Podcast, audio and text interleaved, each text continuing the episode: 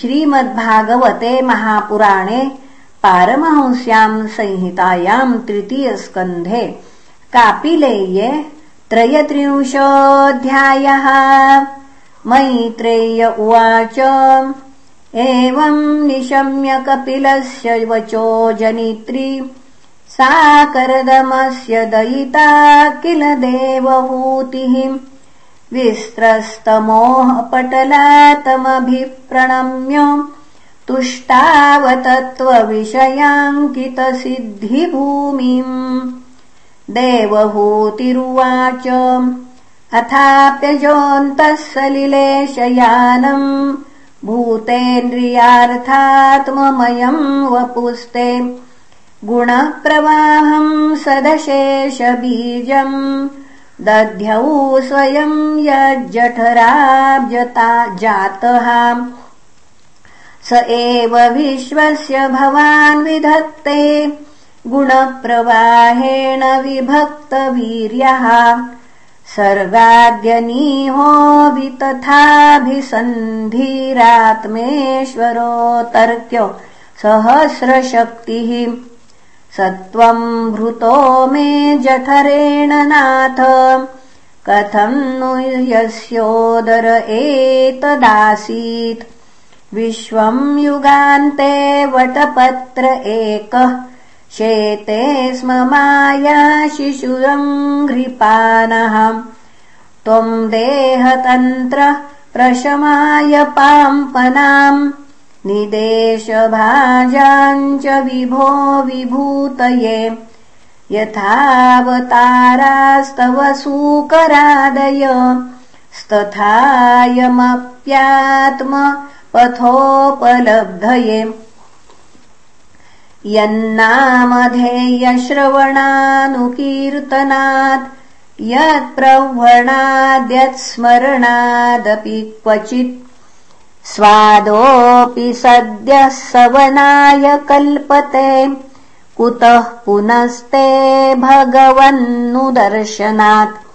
अहो बतश्वपचोतो गरीयान्। यज्जिह्वाग्रे वर्तते नाम तुभ्यम्।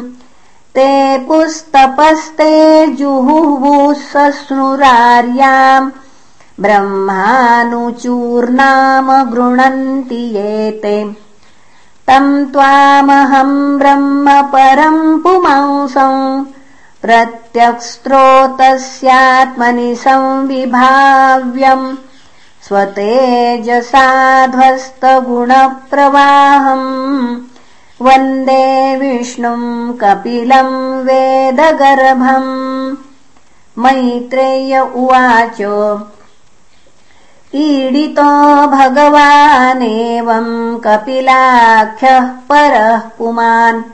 वाचा विक्लवयेत्याह मातरम् मातृवत्सलः। कपिल उवाच मार्गेणानेन मातस्ते सुसेव्येनोदितेन मे आस्थितेन पराम् काष्ठामचिरादवरोत्स्यति। पुनः आस्थितेन पराम् काष्ठामचिरादवरोत्स्यसि।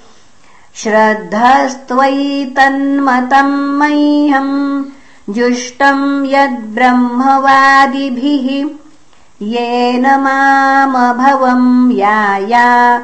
मृत्युमृच्छन्त तद्विदः। मैत्रेय उवाच इति प्रदर्श भगवान् सतीम् तामात्मनो गतिम्।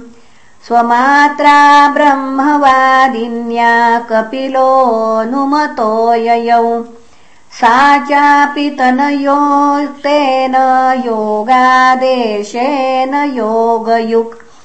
तस्मिन्नाश्रम आपीडे सरस्वत्या समाहिता। अभीक्ष्णावगाह कपिशान् जटिलान् कुटिलालकान्। आत्मानम् चोग्रतपसा बिभ्रती चीरिणम् कृशम् प्रजापतेः कर्दमस्य तपो योगविजृम्भितम् स्वगार्हस्थ्यमनौपम्यम् प्रार्थ्यम् वैमानिकैरपि पयः फेननिभाष्यय्या दान्तारुक्मपरिच्छदाः। आसनानि च हैमानि सुस्पर्शास्तरणानि च स्वच्छस्फटिककुड्येषु महामारकतेषु च। रत्नप्रदीपा आभान्ति ललनारत्नसंयुताः। गृहोद्यानम् कुसुमितैः रम्यम् बौहमरद्रुमैः कूजद्विहङ्गमिथुनम् गायन्मत्तमधुव्रतम् यत्र प्रविष्टमात्मानम् विबुधानुचरा जगुः वाप्यामुत्पलगन्धिन्याम् कर्दमेनोपलालितम् हित्वा तदीप्सिततमप्याखण्डलयोषिताम् किञ्चिच्चकारवदनम् पुत्रविश्लेषणातुराम् वनम् प्रव्रजिते पत्यावपत्यविरहातुराम् ज्ञाततत्त्वाप्यभून्नष्टे वत्से गौरिव वत्सलाम् तमेव ध्यायति देवमपत्यम् कपिलम् हरिम् बभुवाचिरतो वत्स निःस्पृहा तादृशे गृहे। ध्यायति भगवद्रूपम् यदाह ध्यानगोचरम्। स्तुतः प्रसन्नवदनम् समस्तव्यस्तचिन्तयाम्। भक्तिप्रवाहयोगेन वैराग्येण बलीयसा युक्तानुष्ठानजातेन ज्ञानेन ब्रह्महेतुना विशुद्धेन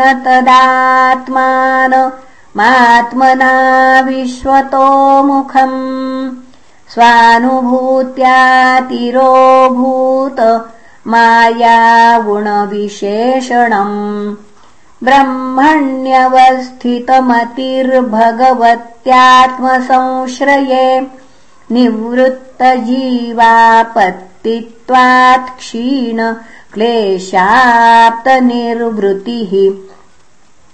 नित्यारूढसमाधित्वात्परावृत्तगुणभ्रमा न सस्मार तदात्मानम् स्वप्ने दृष्टमिवोत्थितः।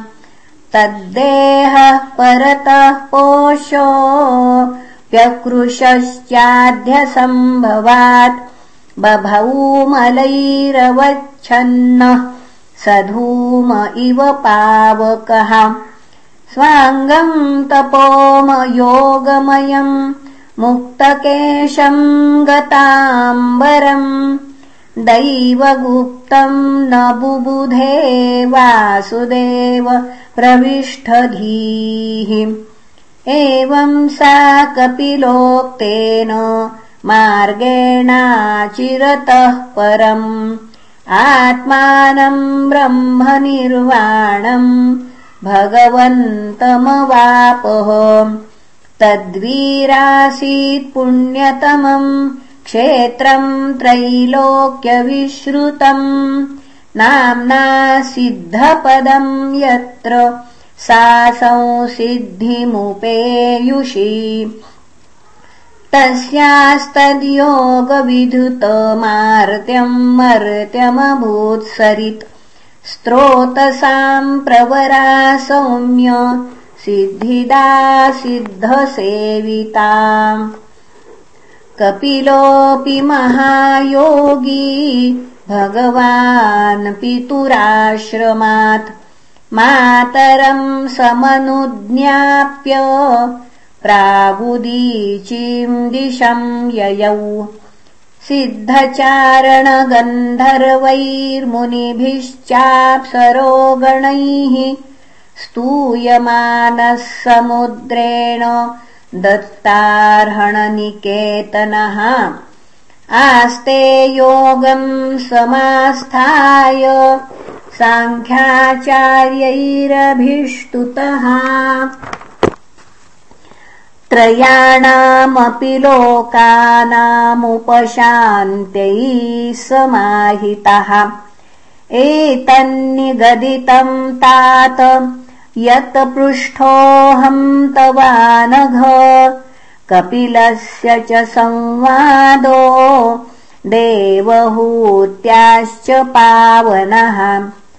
यैदमनुशृणोति योऽभिधत्ते कपिलमुनेर्मतमात्मयोगगुह्यम् भगवति कृतधीसुपर्णकेतावुपलभते भगवत्पदारविन्दम् इति श्रीमद्भागवते महापुराणे वैयासिक्याम् अष्टादशसाहस्रयाम् पारमहंस्याम् संहितायाम् तृतीयस्कन्धे कापिलेयोपाख्याने